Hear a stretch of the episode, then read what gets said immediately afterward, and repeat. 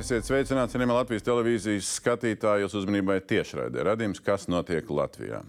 Ir 665. diena kopš Krievijas iebrukuma Ukrainā pagājušā gada februārī, tātad tūlīt, tūlīt jau 22 mēneši.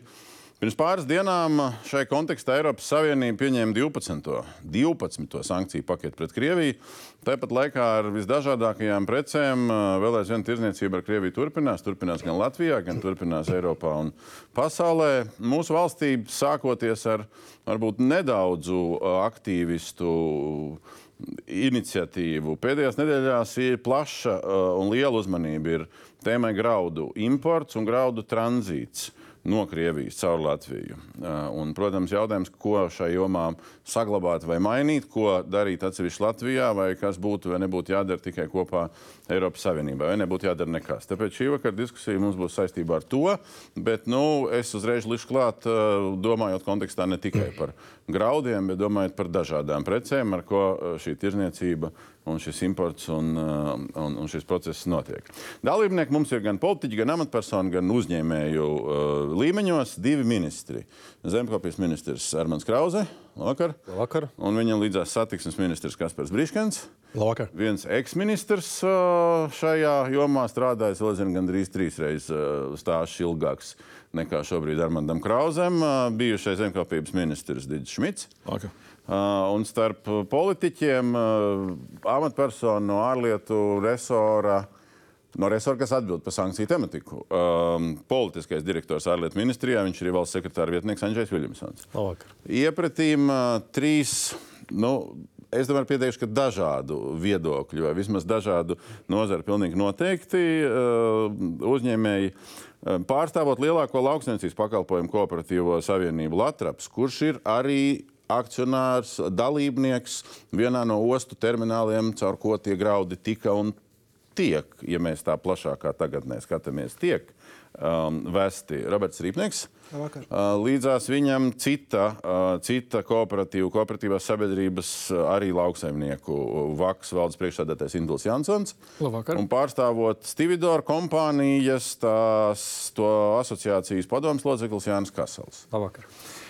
Kungi, nu vispirms sāksim, mēģināsim saprast nu, ministra pozīcijas, eksministra pozīcijas, tās valsts pozīcijas. Un, um, Krauskungs, jāsaka, mēs uh, ejot cauri visādi veidu izteikumiem, mēs uh, nonācām līdz diviem šādiem citātiem. Ir oktobris, un ministrs Krause saka, uh, ir jārunā par to, kā novērst situāciju ar Krievijas graudiem. Uh, ar to, ka Krievijas graudi ir mūsu ostās. Nu, ja ir jānovērš situācija, ka graudi ir mūsu ostās, tas nozīmē, ka vest nedrīkst vispār. Tas ir jānovērš.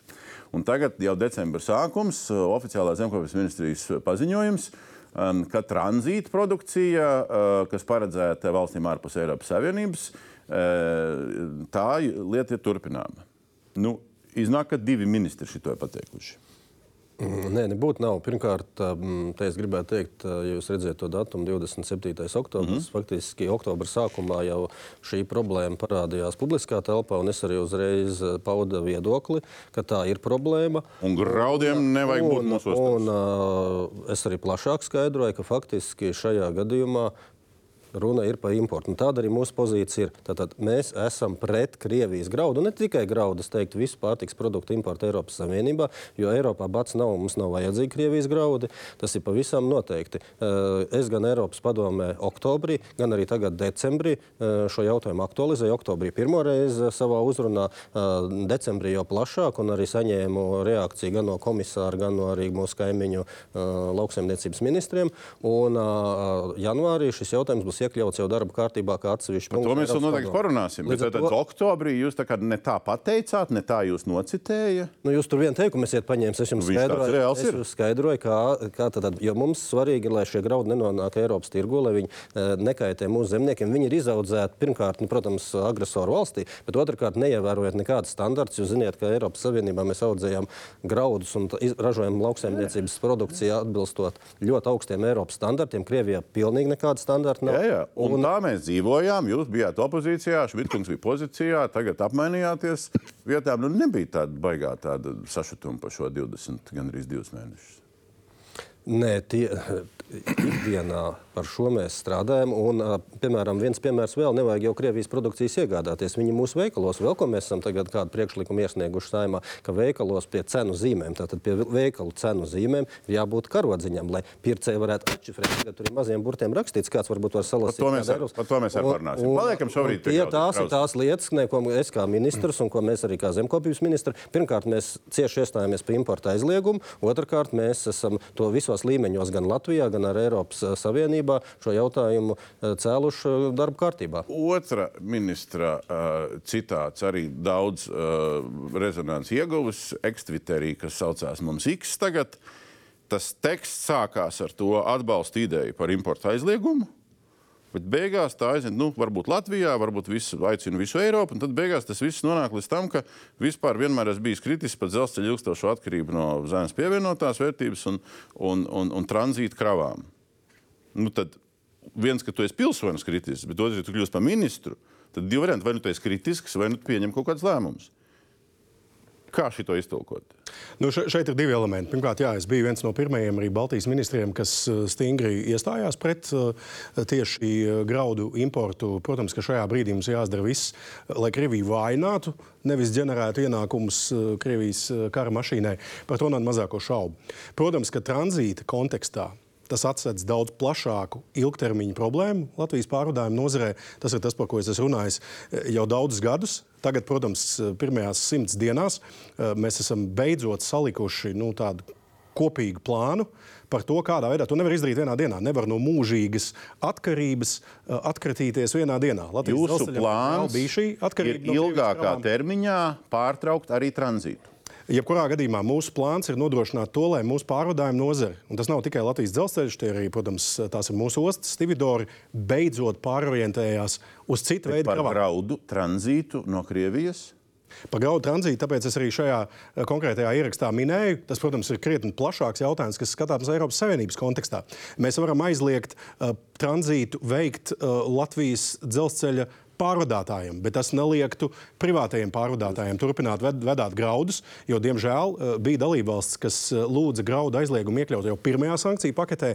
Šobrīd jau ir 12. sankciju pakete, un graudi, diemžēl, turpat arī ir. Tranzītu nav iespējams pārtraukt, jūs sakat, ar šo caur Latviju. Ir, protams, zināmi šķēršļi gan no Eiropas Savienības puses, no Pasaules tirzniecības organizācijas puses. Tas, ko mēs varam darīt, un mēs to esam sākuši darīt, ir beidzot uh, vedināt gan Latvijas dzelzceļu, gan mūsu ostu nozari. Tas ir viens no iemesliem, kāpēc kāpēc uh, es nevirzīju tālāk uh, ostu reformu pašreizējā izpildījumā. Jo šī ostu reforma nesniedz nekādas atbildes tam, kā mēs varam izvairīties no šīs amorālās situācijas. 665.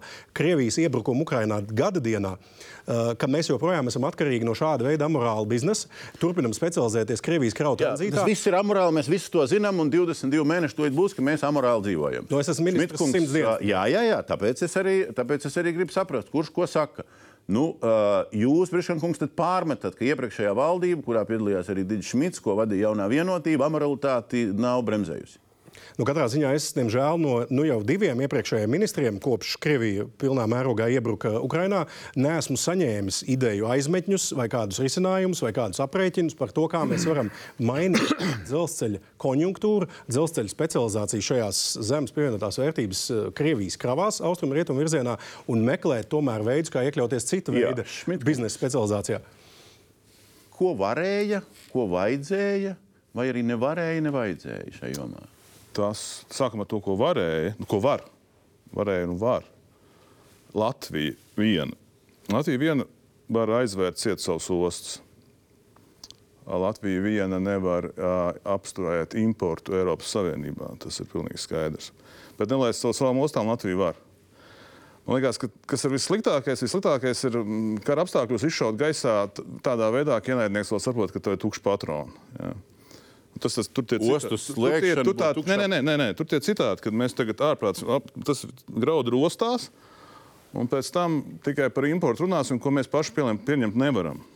Jā, nav nekāds pārsteigums, ka graudi Krievijas no 14. gada visu laiku, tā skaitā no 14. gada, kraujās un pēc iebrukuma kraujās Latvijas ostās. Tas nav nekāds pārsteigums nevienam nozarē.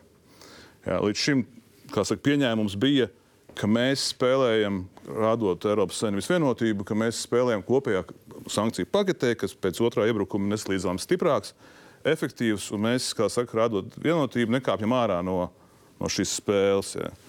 Tā kā, un, uh, man patiesībā es daudz par to vēsturi nevaru izstāstīt, tikai savu laiku, jo te bija jāsēž šodien ārlietu ministram, bijušam premjeram, kurš piecus gadus, kā saka Eiropa, tas ir Eiropas padomus jautājums, sankcijas ar Krieviju nosaka ārējais Eiropas pārstāvs. Tas ir vien, vienbalsīgs veto lēmums. Tur ir arī droši vien skaidrojums, kāpēc graudu netika iekļauts. Es pieņemu, ka bija kas arī gāze nav iekļauts Krievijas. Uh, nu, ja reiz, ne, vislabāk, ne, ja, ja reiz ārlietu ministrs. Vislabāk to varētu izstāstīt esošais prezidents. Okay, tas status viņam varbūt šodien tā neļaujas. Bet viņš bija 12 gadus ārlietu ministrs. Nē, nopietni, bez, bez ironijas. Viņš, nav, viņš ir tas, kurš visvairāk zināja. Nav šaubu. Vidusmans kungs, pamēģiniet izstāstīt par ministriem. Vai uh, šis temats ir izskaidrojums, kādu iemeslu dēļ šis notiek. Nu, neskaitot to, ka ir jāapgādā tranzītā uh, caur Eiropu, Āfrikas uh, badicietē. Ja? Tā ir humānā puse, ja? bet ja mēs runājam vispār par kopējo procesu. Uh, un cik reāls ir šī brīža tas stāsts, mēs tūlīt uz 13. paketi visu nomainīsim Eiropā. Jā, nu, droši vien vairāk aspektu. Pirmais aspekts. Nu, nav pirmā reize, kad ir diskutēts kopumā Eiropā. Nu, ir ir biju, bijušas idejas aizliegt vispār tirzniecību ar, ar Krieviju, aizliegt kaut kādas konkrētas preces. Tas, kas attiecas uz pārtiku, tas, kas attiecas uz graudiem, nu, šobrīd nav Eiropas Savienībai tāda precedenta vērst sankcijas pret pārtikas nozari. Atcerēsimies vēl pirms pirms Krievijas karam bija arī Lukašenko rīcība pret, pret savu tautu. Bija mēģinājumi, piemēram, aizliegt uh, spirta importu no Baltkrievijas Eiropas Savienībā. Arī neizdevās. Viens no iemesliem, nu, Eiropas Savienības valstis ir ļoti jūtīgas pret pārtikas nozares uh, sankciju pieņemšanu. Pēc kara, jūtīgas jo? Uh, vairāk iemeslu viens iemesls, piemēram, graudu kontekstā, nu, ne visās valstīs, piemēram, šajā vasarā ir, ir bijusi labvēlīga situācija graudu, graudu uh, ievākšanai. Ir valstis, kurā ražas ir bijusi diezgan zemas un kuras, kuras droši vien ir interesētas jebkādos veidos uh, nopirkt uh, graudus, lai nodrošinātu uh, savu tautsēmniecību. Otrs iemesls ir uh, citu pasaules valstu reakcija, galvenokārt Āfrikā.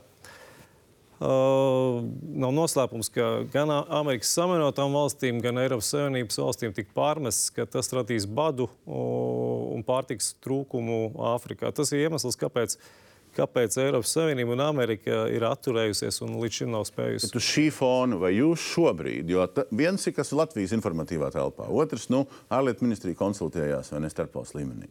Vai šis jautājums reāli ir potenciāli darba kārtībā vispār Eiropā pēc būtības nopietni? Mēs esam sākuši to jautājumu kustināt, sākot ar zemkopības ministru. Un, un, un... Kustās? Uf. Jā, priekš sākumā es domāju, nu, nav slikti. Mē, nu, mēs esam tiešām sākuma posmā. Sankciju pieņemšana iet mēnešiem 12. sankciju pakā. Es neatceros, 3-4 mēnešus tika gatavota. Uh, lai mēs nonāktu pie kaut kā, būs vēl nepieciešams mēnešu darbs. Atceramies, ka nu, vienmēr Eiropas Savienībā nu, ir sākumā nekas nav iespējams. Ja arī atcerēsimies par kaut vai militāro ieroču piegādi, nu, nav, nav sankciju bet arī sākumā viss bija tabū. Izveidojoties kaut kādai mazākai valstu koalīcijai, kurš šo jautājumu regulāri cilā, dienas beigās mēs pie tā nonākam. Tas labi, labi. varbūtībās neejam. Tagad uh, biznesa un padiskutējam, kurš uh, kuram ir kādi cik stipri argumenti. Um, Latvijas iznāca ārā arī ar paziņojumu. Visiem mums pēdējās nedēļās tie nākušie paziņojumi. Uh, un Latvijas pa, strībnieku parakstu cits starp paziņoja, ka mēs tagad kā akcionāri, nu kā mūsu uh, meitas kompānija, kas ir līdzīpašnieki, mēs tagad kaut ko pieprasīsim kompānijai, kas mums pieder, ka viņi kaut ko tur nu, darīs. Divi gadi drīz būs pagājuši. Kas notika tad? Kur jūs pamodāties? Uh, nu, neviens, manuprāt, nav pamodies. Tā ir loģiska attīstība, ka cilvēkiem aizvien sastopoties ar jaunu realitāti, aizvien arī mainās viedoklis un attieksme pret notiekumiem. Jums mainījās viedoklis? Mēs mainījām attieksmi. Savu attieksmi, kā gala patērētāji, mēs jau pirmās kara dienas realizējām. Mums jau sākot no 24. februāra, man pirmais darbs kopā ar kolēģiem bija raut nost piegādes līgums no Krievijas federācijas un no Krievijas federācijas subjektiem Otrā tēmā, ko šobrīd mēs neaizskaram, tā ir eh, lauksaimniecībai nepieciešamo izēvielu sagādi. Varam aizskart jebkurā sekundē. Jā. Nu. Un, un tā pieredze mums ir visur, kur mēs esam gala patērētāji, viss tika norauts. Te pašā laikā uz mūsu saistītiem uzņēmē, uz, uzņēmumiem un attiecībā tīpaši par pārtiks importu un tranzītu mēs paļāvāmies uz kopējo normatīvo regulējumu, kurš tajā brīdī, ņemot vērā dinamiku, kas notika tajā brīdī, likās, plus, likās ok. Kādu dinamiku? Kaut kā, kā vienkāršākiem vārdiem. Kas Kara notiekošo karā mums šī problēma aktualizējās Latvijas ostās, reāli aktualizējās šī gada pavasara mēnešos, tad, kad mēs redzējām, ka apjoms no Krievijas ienākošās produkcijas apjoms kāpj strauji kārtās. Un tajā brīdī bija, jā, bija jāsaprot, ko darīt. Un mēs arī uzņēmumā, paš, manas pārstāvētajā uzņēmumā, sākot no kolīdz ražas kulšanas beigām, uzsākām iekšējas diskusijas par savu attieksmi. Jūs sakat, ka šo pavasaru labības tranzīts no Krievijas auga kārtās. Jā. Taisnība. Mēs neredzam pieaugumu kārtās. Mēs neredzam ostās tādu statistiku. Man liekas, graudi ir pieauguši kopā par 10-15%. Tur, protams, jūs skatāties tos ciparus, tur neviens nedala, kur ir Latvijas graudi vai kur ir tranzīta graudi. Bet primāri tomēr es nedomāju, ka ir kaut kas mainījies. Mēs šādā situācijā dzīvojam kopš kara pirmās dienas. Mēs Stīvdora asociācija tāpat nosoda karu, un mēs to izdarījām pirmajā dienā. Bet mēs respektējam Eiropas Savienības noteikumus un to kārtību, kas ir. Mēs neesam gatavi kaut kādā mērā iet pret Itāliju, Spāniju, kuriem tie graudi ir vajadzīgi. Jo, ja mēs runājam par importu, es domāju, ka Zemkovis ministrs varbūt tajā rakstā, ko jūs rādījāt, negluži ir izskaidrojis līdz galam. Tas imports ir tā krauja, kas ienāk Latvijā no Krievijas, kur ievada startautiskie uzņēmumi. Tur nav neviens Krievijas uzņēmums. To visu ievada tādu uzņēmumu kā ADMs, kā Vitera, kas no robežas saņem šo kravu, viņi ievada ostā. Tā krauja tiek importēta un piegādāta mūsu Eiropas Savienības partneru valstīm, Itālijai, Spānijai, Portugālei. Kādēļ Latvija cīnītos ar savām partneru valstīm, kuriem graudi ir vajadzīgi? Tas, es domāju, vispār neatbilst Eiropas Savienības normām. Ar šo jūs sakat, ka šobrīd šī deklarētā aizliegsim importu Latvijā tēze nav tā kā īsti reāla. Viņa nav tiesiska. Nu, es nekad neesmu teicis, aizliegsim importu Latvijā. Tad es runāju, un tas, ko mēs aktualizējam Eiropas Savienībā par importu aizliegšanu Eiropas Savienībā. Un tas nav tranzīts. Tātad importa procedūra tiek veikta Latvijā un graudu nokļūst Eiropas iekšējā tirgu. Ir divas lietas. Tātad. Eiropas iekšējais tirgus vai tranzīts uz Āfriku, vienalga, kurā. Un uh, mēs runājam par importu Eiropas iekšējam tirgumam. Uh, to var pilnīgi droši aizstāt ar graudiem. Mēs zinām, cik daudz graudi ir Ukrainā. Nofiksējam, šis ir svarīgi. Kurš par ko runā? Evika Siliņa ir izdevusi rezolūciju. Atcaucoties tātad, 8. tajos pašos datumos, kad bija tie citāti. Atcaucoties uz zemkopības ministrijas pozīciju, uz tiem uh, jūsu sajietiem, kurus jūs citējat, kura vēl aizvien ir slepena. Man kolēģi šodien pārbaudīja. Nav zināms, kas tajā pozīcijā ir, uh, ir definēts. Un viņa šeit raksta, uzdodot zemkopības ministrijai, līdzatbildīgās institūcijas, satiksmes, ārlietu ministrijas. Viņa raksta, dodiet priekšlikumus par iespējamo Krievijas graudaugu importu aizliegumu Latvijā. Latvijā. Tad jūs tagad sakat, lai tā premjera raksta, ko viņa grib, nav taisnība. Mēs arī atbildēsim, un te ir rakstīts kopējo Eiropas Savienības politika arī tā skaitā, jo muitas, tad, tad visas procedūras, sankcijas, tā ir Eiropas politika, tā nav Latvijas politika. Latvijā es varu pastāstīt, kā mēs varam tieši Latvijā ierobežot to, lai importa procedūras nenotiek Latvijā, bet tas nenozīmē, ka graudus neievedīs, piemēram, caur Igauniju, un pēc tam viņi nonāks mūsu tirgu, jo, lai mēs aizliegtu importu, jūs varat uz Spāniju aizvest Krievijas graudus ar Latviju tranzītā un atmuitot Spānijā. Ko tad jūs darīsiet?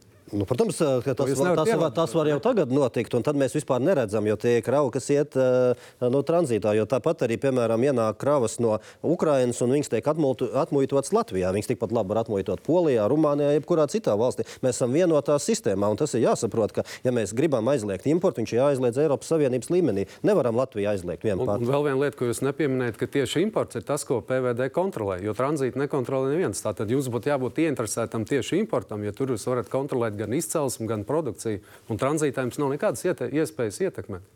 Un tāpēc arī mans uh, citāts bija, ka mēs neatiecinām to uz tranzītu, bet mēs attiecinām uz importu. Un imports, starp citu, kāpēc es minu, kā Latvija var ierobežot importu, lai viņš neiet caur Latviju. Uh, mums, uh, kontrolējot Krievijas graudu, šī situācijā sāk veidoties paaugstināts izmaksas pārtiks veterām dienestam. Iespējams, ka tur ir krāpšana certifikāti jāpārbauda, vai tie nav Ukraiņas graudi un tā tālāk. Un, mēs varam savu cenu rādu pacelt, lai veiktu papildus analīzi, ka vairs caur Latviju vienkārši nebūs iespējams uh, tīri matemātiski, ekonomiski izdevīgi importēt graudus. Bet tas nenozīmē, ka uh, cenrādi, piemēram, pacels Igauni un tie graudi, viss, kas tagad iet caur Latviju, ienāks caur Igauniju vai caur Latviju. Ko piebilst vai iebilst. Es, es, es godīgi sakot, skatoties uz to rezolūciju, domāju, ka tas vārds imports nav domāts imports Latvijā. Nu, kā tas ir tranzīts? Nē, tas ir no. tranzīts. Es domāju, ka tas ir tranzīts, jo importu Latvijā nevar Latviju pat ierobežot. Tas ir skaidrs. Tas ir Eiropas kopējais. Nav viena Latvija Eiropas Savienībā. Es vēlreiz saku, ja mēs ņemam no tā, ko var izdarīt Latvija, Latvija var efektīvi nelaist tranzītu, ja, un Latvija var runāt. Bet neko nepanākt attiecībā uz importu ierobežojumus Eiropas Savienībā. Ko var, ko nevar. Jansons kungs iesaistām, kurš vienā, uh, nu, pirmkārt, pieminot to, ka RTV sižetē bija atspoguļots, kā zemnieku kooperatīvas atšķirībā no Latvijas jau plāno uh, ar traktoriem braukt, es nezinu, vai uz valdības māju vai, vai uz ministriju mājām, bet tai sižetā jūs cits starp teicāt, ka mūsu valsts pozīcijas, kas tiek gatavotas uz to Eiropu, ir pārāk maigas. Nu, tad uz šo visu rezolūciju un pozīciju fona, kas te ir maigs? Nu, vienā, vienā, viennozīmīgi viņas ir nu, maigas, jo mūsu tā problēma auga augumā. Latvija ir neto eksportētājs graudos, ar to mēs arī lepojamies.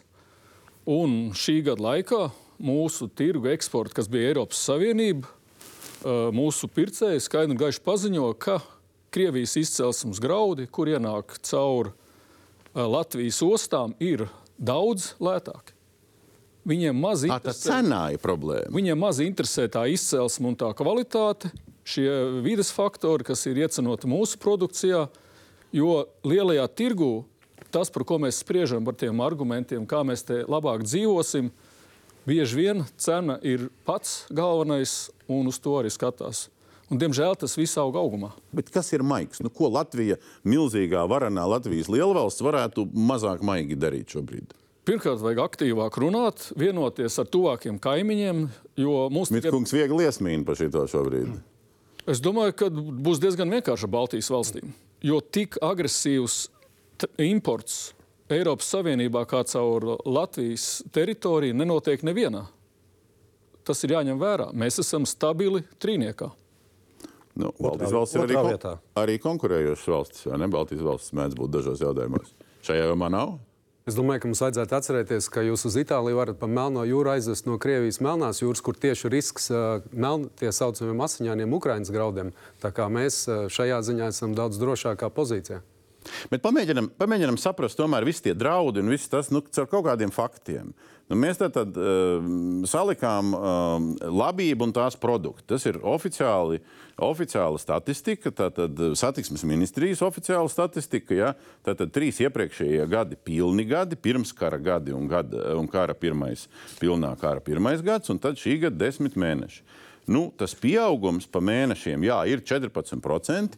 Nu, izstāsta, ka līdz ar to mēs gadu varētu pabeigt nu, ar kaut kādu 10-15 minēto procentu e, pieaugumu. Tas jautājums ir, nu, pirmkārt, atgriežoties pie tā, kur ir tas, tas milzīgais ārprāts šogad, bet otrkārt, e, vai mēs saprotam īsti, cik tur ir Latvijas, cik tur ir Krievijas, cik tur ir Ukrainas graudi. Mēs taču paziņojam tikko, ka mēs Ukrainas graudus ar padruskai sākam vest. Mēs zinām, kas Un tur Kazahstānas ir. Kazahstānas graudi. Jā, es nedaudz savādāk gribētu, jo manuprāt, tā diskusija, kas šobrīd notiek, ir precīzi viens pret vienu tā diskusija, kas notika mūsu uzņēmuma iekšēnē, sākot no šī gada augusta mēneša līdz brīdim, kamēr mēs iznācām ārā ar publisku paziņojumu. Mēs, varam, mēs pilnīgi skaidri zinām, ka pirmkārt mēs nevaram nobloķēt Krievijas eksportu, tas ir 40 plus miljonu tonu gadā. Mēs pilnīgi zinām, ka visticamākais tas ir ļoti sāpīgs uzņemties šo sitienu uz Latvijas tautsēmniecību atsevišķām nozarēm. Tas viss tā ir. Bet, manuprāt, šobrīd tas, ko mēs sapratām, ka mēs nedrīkstam ietekmēt tam, ka kāds varētu domāt savādāk, mēs nedrīkstam ietekmēt pašu savu attieksmi pret problēmu. Un mūsu attieksme ir skaidra. Man neviens nespējas iestāstīt, ka Eiropas Savienība ir tik ļoti atkarīga no Krievijas pārtikas importa, ka tagad, tajā brīdī, kad būs apgrūtinājums, ka kāds aizmuks dzīvot uz tādu vietu, kur tā, kur tā Krievu pārtikai var piekļūt. Es, es neticu. Es domāju, ka, ja mēs paskatītos pat neto bilanci Eiropas Savienībā, tad, ne, tad Eiropas Savienība, piemēram, kviešos ir neto eksportētājs. Un, un, un patiesībā šobrīd tas ir tikai un vienīgi ekonomiskā izdevīguma jautājums. Vai mēs tiešām realizējam darbos savu pārtiks neatkarību? Enerģētiskai neatkarībai Bet, mēs bet, bet, bet, bet, bet, bet tomēr, bet tomēr nu, tad, tad 6, miljonu tonu ja, gadā. Latvijas tā kopraža vietējā, nu, neļausiet man zemnieku samelot, ir 3, kā kur gadu, vai ne? Tātad nu, no šīs summas nu, plus mīnus puse. Un tad, kad daļa paliek Latvijā, daļa, daļa aiziet. Nu, ja mēs runājam par uh, graudu importu, kas paliek Latvijā, ja viņš caur Latviju tālāk neaiziet uz Itāliju, Spāniju, vienalga uz kurienu Eiropā, uh, un plus tas tranzīts, nu, mēs kāds var iztulkot uh, cilvēkiem, nu, kā sadalās šie 6 miljoni. Kāda zina vispār? Tas gan viegli iztulkot. Es domāju, ka tur Latvijas apjoms ir 3 miljoni.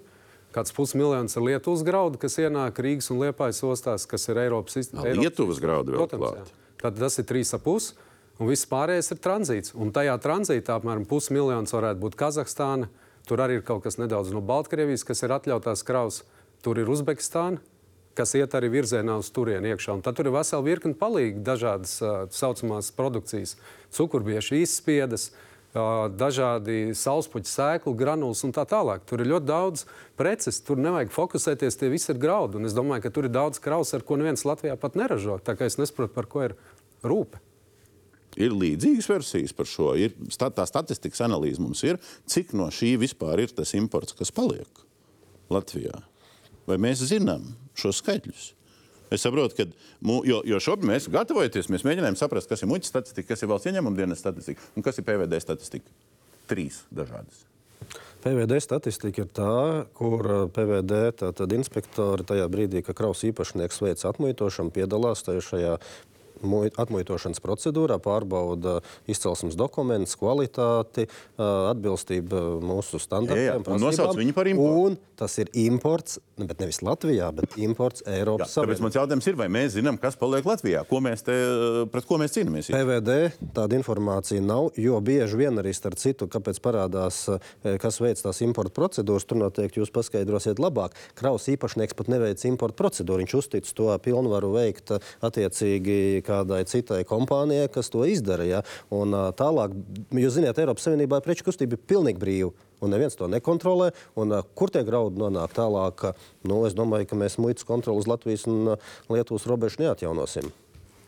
Nekad neko nevar zināt. Satiksmes ministrija nu, zina viens, šo skaitļu struktūru. Viens tas teiksim, datu elements, kas var palīdzēt mazliet šķetināt, eh, kas ir imports, kas paliek Eiropas Savienībā un kas ir tranzīts, varbūt ir, ir dzelzceļa pārvadājumi. Te mēs redzam, ka iepratim eh, pagājušā gada 11 mēnešiem eh, Latvijas dzelzceļam ir 30% pieaugums no 4 miljoniem tonu līdz apmēram nedaudz virs 5 miljoniem tonu.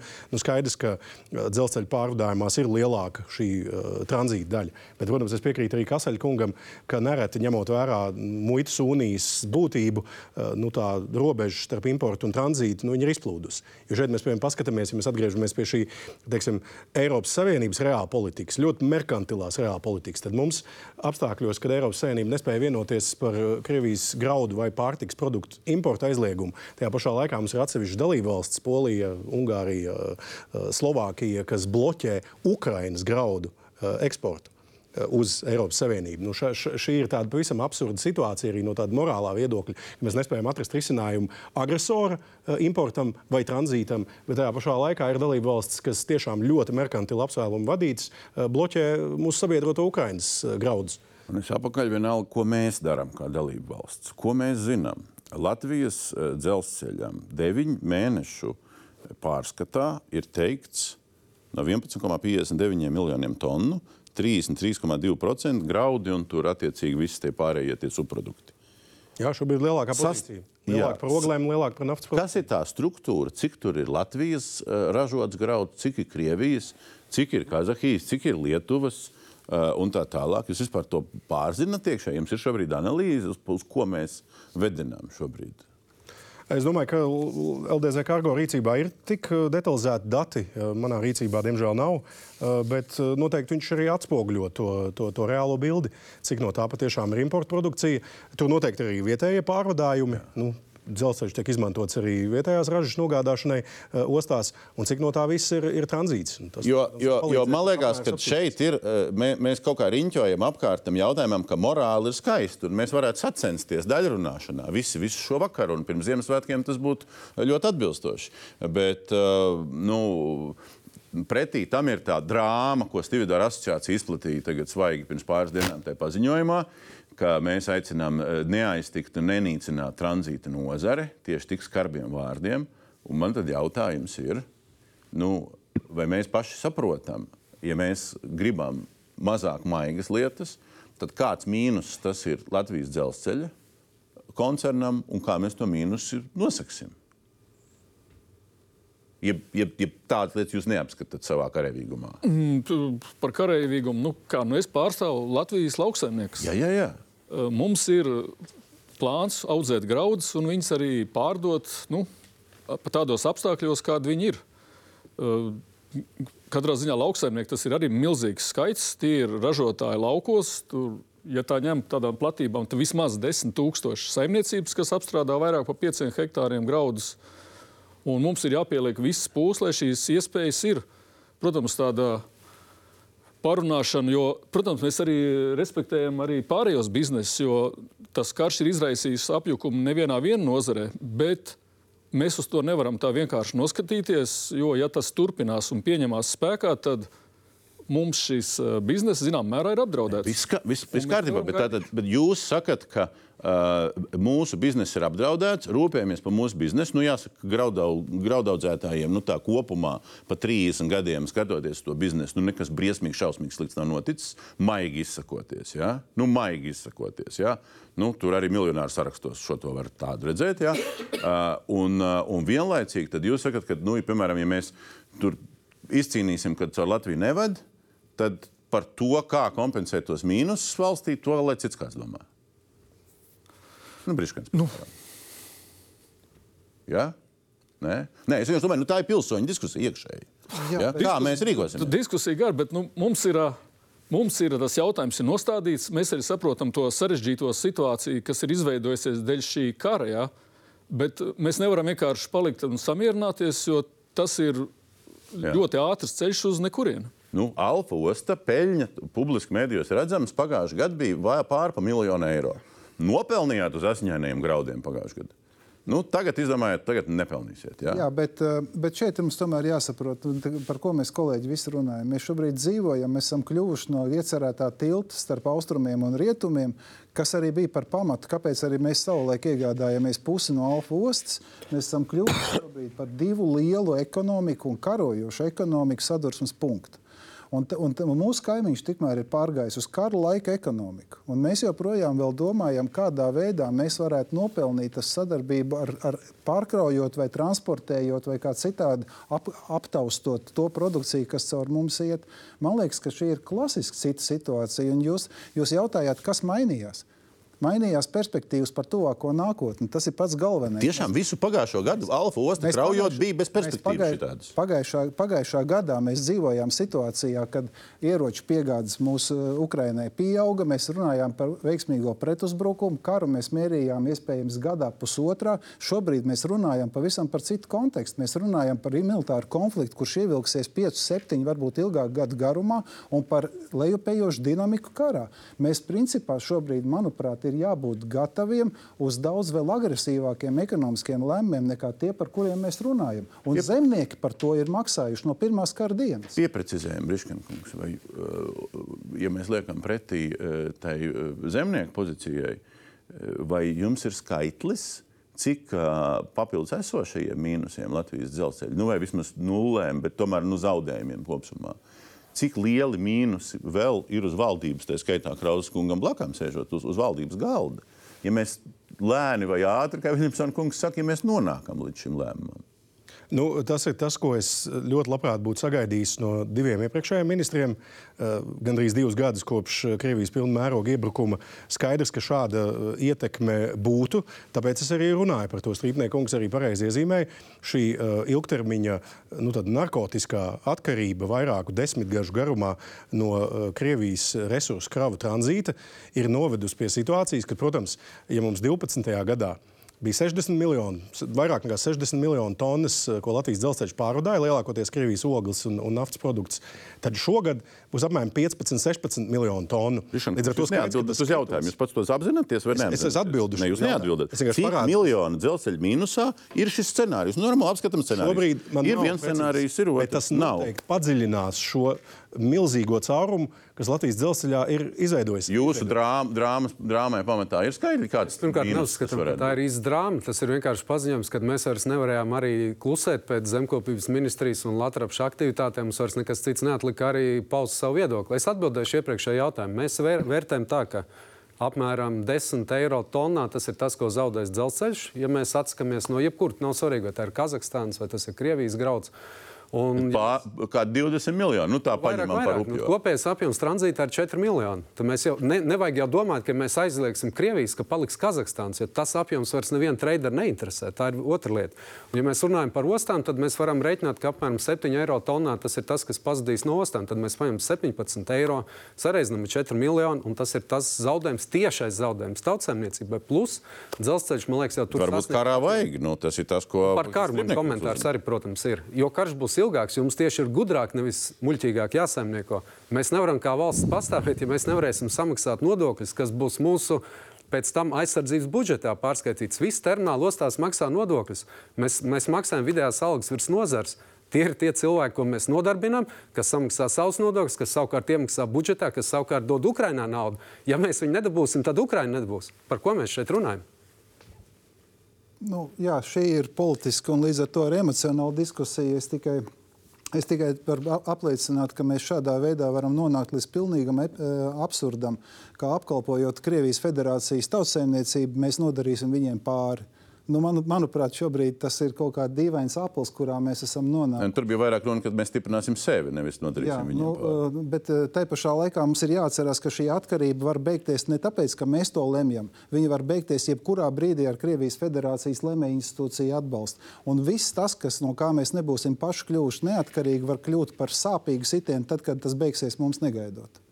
Viljamson kungs, lietišķajā pusē, tas, kas mums te viss ir, ko mēs varam saskaitīt, ko nevaram, ja jūs sakat, ka process tikko sācies, tad tajā procesā mēs saprotam, cik caur šejienu, cik caur turienu, cik paliek Eiropā, cik nepaliek. Nu, tajā starpvalstu bildē mēs zinām to. Es domāju, ka mums būs labāka bilde janvāra vidū. Jums bildi, ko jūs rādījāt par premjeras rezolūciju, šobrīd tieši visas ministrijas strādā pie šīs statistikas savākšanas, lai mēs precīzi zinātu atbildes uz tiem jautājumiem, ko jūs, ko jūs eh, šobrīd uzdevāt. Nav, nav brīnums, ka šobrīd vēl nav iespējas eh, tik, tik detalizēti atbildēt. Eh, bet, nu, domāju, janvāra vidū mums būs precīza statistika, un tad ar to statistiku mēs varēsim vērsties pie, pie kolēģiem Baltijas valstīs, Polijā, sākt veidot kaut kādu reģionālu aliansi un, un, un virzīt jautājumu tālāk Eiropas Savienībā. Bet, protams, varbūt man arī šeit ir nu, jāpaskaidro, kas ir iespējams, kas nav iespējams. Uh, tas, kas ir saistīts ar tranzītu un importu, tā, tā, tā nav Latvijas nacionālā kompetence, tā ir Eiropas komisijas kompetence.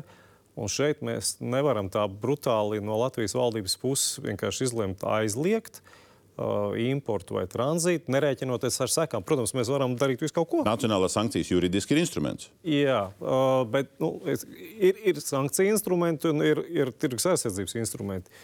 Uh, tas, tas, kas saistīts ar importu un uh, uh, tranzīta, tā, tā, tās nav, teiksim, tās nebūtu sankcijas kā tādas. Mēs varam arī, teiksim, nu, līdzīgi, piemēram, skatieties, nu, ir, ir valsts, kas ir izlēmuši kā, bloķēt Ukrainas, Ukrainas graudus. Uh, tās, tās nav sankcijas. Bet uh, ko viņi ir saņēmuši pretī no, no Briseles, brīdinājumu, ka tas varētu būt Eiropas tiesību pārkāpums. Un līdz ar to ir iespējams, procesa beigās ir iespējami uh, uh, nu, pārkāpuma procedūras no Eiropas Savienības, kas var rezultēties kaut kādās naudas summās. Tā kā ja mēs gribam aizliegt uh, importu, tad, tad mums ir jāpanāk kopējs Eiropas Savienības lēmums, lai pēc tam mums par to nebūtu pārkāpuma procedūras no, no, no Briseles. Nacionālas sankcijas mēs īsti nevaram pieņemt. Pirmkārt, tās, uh, mēs tās nevaram pieņemt, jo likums mums saka, ka viņas var pieņemt tikai tādā gadījumā, ja tās atbilst Latvijas starptautiskām saistībām. Uh, Bet tā kā tirzniecība ir Eiropas Savienības kompetence un lēmumi par sankcijām ir kopējais dalībvalsts lēmumi, mēs nevaram nacionāli sankcionēt Krievijas graudus. Mēs to varam panākt caur Es Eiropas pēc neverbālām reakcijām skatos, ka Jansons kungam ir apakaļ ko teikt par šo. Es, ja man, būt, es, man tā būtu goda lieta, ja man būtu izvirzīta prasība par to, ka es ierobežoju Krievijas graudu importu šādos apstākļos. Tā būtu goda lieta, jo tas ir katra mūsu pienākums, jo tie produkti, ko Krievija eksportē, ja, viņiem ir izvedmuitas. Tas pat taisno Krievijas budžetā vienai daļai. Ja, tur ir kvotēti un dažādi tie līmeņi. Un pret to var vērsties arī savādāk. Mums nav jāgaida tas garais ceļš. Šmitkungs sēž, klausās. Nē, nē, es, uh, es vēlreiz atkārtoju. Man ir viena piebilde galvā par to, ka, kas man liekas, ir pilnīgi slikti. Ir tas, ka uh, mēs varam būt, uh, uh, iet tālāk un viennozīmīgi, ka mūsu ostas aizvēršana šodien palīdzētu gan mūsu zemniekiem, uh, palīdzētu gan, gan Ukrainai. Ja. Vismaz sarunās par Melnās jūras koridoru, piemēram. Ja.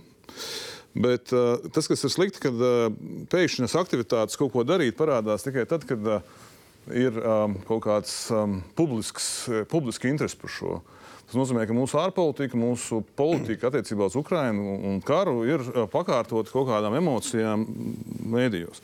Un, ja pat par emocijām pakārtot, par ko šis satraukums bija, par to, ka mūsu ostas, ka mūsu tieši par to Piedošana, tranzīts no šī visa, imports no šī visa būs desmitā daļa labākajā gadījumā.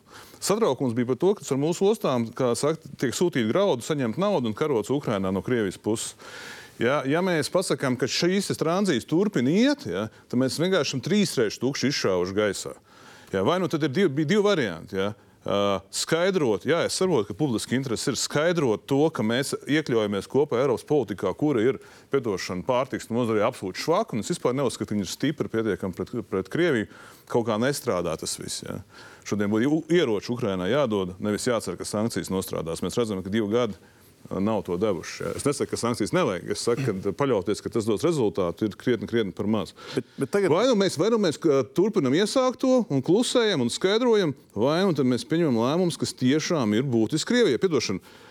Krievija graudus tikai attīstīt sāk šobrīd. Viņi ir apzinusi Eiropu kopējā eksportā, un viņi ja ne nākamgad, tad aiznākamgad. Visas kravas no Latvijas. Nu, tur jau šogad prognozēja, ka viņi būs lielākais. Pārstāvs, ne, viņi pārliks visas graudus uz savām ostām. Bet tā viņš šobrīd dara, investē. Mums ir tā padās pēdējie pāris gadi. Nepārliks no kādām ostām. Nē.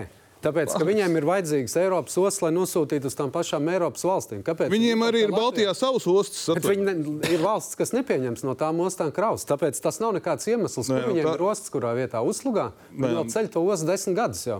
Nekādas ostas. Kā neesi pamanījis, ka mūsu tranzīta kravas ir novirzījušās uz Krievu ostām. Ne? Tās nav graudu kravas. No, tā, tā, tā, tas process šobrīd, tas process šobrīd nenotiek. Ja? Bet mēs apspriežam konkrētu tēmu. nē, nē, es, mēs, mēs apspriežam konkrētu tēmu, vai mēs vēl pēdējos pāris gadus, kamēr iet karš, pelnīsim uz šiem graudiem. Ja, kamēr Krievija to pārcels pēc tam, mēs vai pelnīsim, nē, nozīmē, valsts budžets saņems nodokļus. Runāsim, mēs protams, šeit, valsts. Protams, valsts. Jā, jā, to pašu es iztēlojos, kā Čečils to stāstītu teiksim, par vācu precēm 42. Jā. Kungi, ļaujiet man paplašināt to jautājumu. Jo, zināmā mērā, es nevaru Šmitkungam nepiekrist, ja, kad parādījās tas vilnis par tēmu graudi un viss runā par graudiem. Bet, ja mēs paskatāmies fiziski graudi, tad šogad tā statistika rāda, ka tā graudu vērtība, pa ko tā varonīgā cīņa šobrīd notiek, nu, varonīgā ar drusku ar pēdiņām, bet varbūt ne ļoti. Nu, tā vērtība ir ap 10 miljoniem eiro, kas parādās statistikā importētie graudi Latvijā. Ap 10 miljoniem. Nu, tā ir tā, oficiāla statistika. Latvijas imports pa 10 mēnešiem. Graudi. Jūs sakat, ka nav. Kukurūza 50. Jā, kukurūza 50, 51. Bet kopējais imports, kas mums nāk no Krievijas 10 mēnešos, ir pusmiljards. Bet mēs cīnāmies pret graudiem. Nevis pret pusmiljardu. Pārējais mums neinteresē. Ja? Un es gribu visiem aicināt, padalīties publikai, pavērtēt šo te, trīs gadu importu no Krievijas. Protams, ka viņš ir nokritis. Dievs pasarg, ja viņš vēl nebūtu nokritis. Mēs bijām, uh, mums bija Krievija piektā valsts, ja? no kā mēs importējam, tad ir desmitā. Bet tas, kas ir, tad, tad graudi ir zem tām zaļajām, zem tiem zaļajiem kubiciņiem. Viņi ir, viņi ir daļa no, tā, no tiem simts miljoniem. Viņi ir eh, nu, tie pieminētie graudu augi, ieskaitot kukurūzu, kas dominē pār rudziem, kviešiem un visiem tiem aizsījumiem. Ja? Tas ir tas zaļais. Bet mums ir hops, minerālie produkti vēl aizvien uh, ir uh, augstāk. Mums ir pārtikas cipari, uh, mums ir metāli, nu, protams, nogāzušies, bet vienalga ir 30 miljoni šogad, un mums ir ķīmija pār pa 20 miljoni. Nu, man jautājums tā kopumā skatoties, a, kāpēc mēs cīnāmies tagad tikai par tiem graudiem? Es gribētu vērst uzmanību uz to, ka nav tikai graudi. Es esmu runājis par pārtiku kopumā.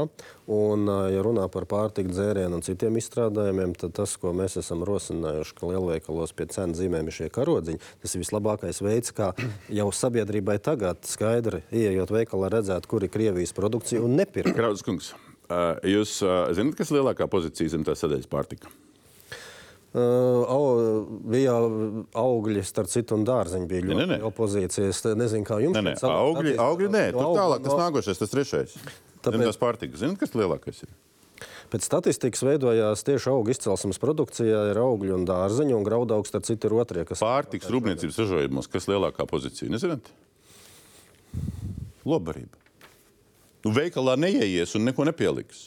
Lobarība ir lobarība, lobarība nav pārtika. Nu, Tātad jums tā statistika ir nepareiza. Nē, statistikas pārvaldē pasakiet, vēl, vēl ir viena reize, ko es gribētu pateikt. Ieiet ka- statistikas lai- pārvaldes mājaslapā, pasakiet, ka Tomēr, kungs, nepareiza. jums ir pilnīgi taisnība, ka no tām graudu visas sadaļas vislielākā sadaļa ir kukurūza. Un kukurūza visvairāk aiziet tieši lobarībā Eiropas Savienības valstīs. Un tur jau ir tā problēma starp citu veidojās. Mēs Mans. Latvijas apstākļos, mēs, protams, ražojam pārtiks kvalitātes graudus, bet mēs ražojam arī lobarības kvali- kvalitātes graudus, kuri vairs nevar nokļūt tajos tirgos, jo tur ir Krievu kukurūza. jautājums ministram, otram ministram, eksministram, uh, zemniekiem.